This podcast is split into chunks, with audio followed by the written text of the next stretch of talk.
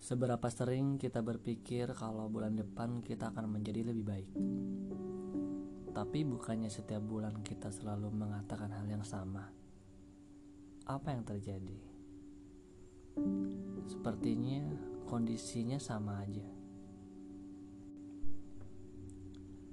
Hai, kembali lagi bersamaku Zain Al Multazam di podcast ini. Kita sering mengatakannya setiap minggu baru, setiap bulan baru, setiap tahun baru. Kalau kita akan menjadi lebih baik. Tapi kenapa kita harus nunggu bulan depan untuk perubahan yang kita ingin? Kenapa kita suka membohongi diri sendiri dengan kalimat seperti itu?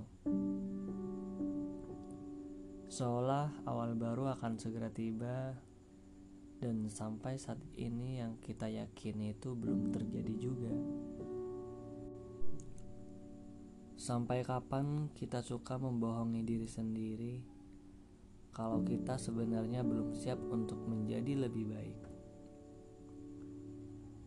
Karena untuk menjadi orang itu kita harus berani keluar dari kebiasaan lama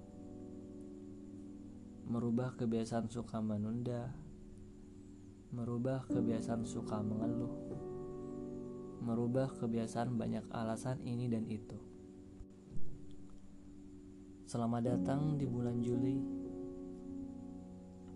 Kita sudah berada di pertengahan tahun. Gak usah kaget.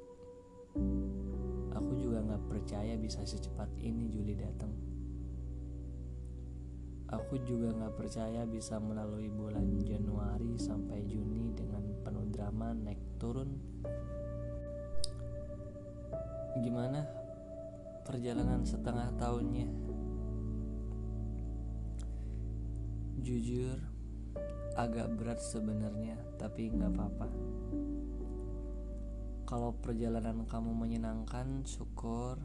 Aku ikut senang tapi kalau penuh drama histeris, aku cuma bisa bilang semangat ya. Kamu pasti bisa melalui bulan berikutnya dengan baik. Aku selalu percaya bahwa jalan hidup bukan statis tapi dinamis.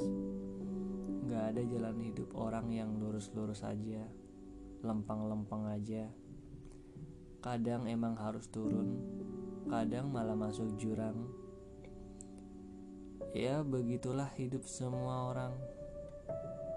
Semakin hari semakin berat. Harus tarik nafas kuat-kuat biar bisa hidup tetap jalan. Bulan depan gak ada bedanya dengan bulan ini.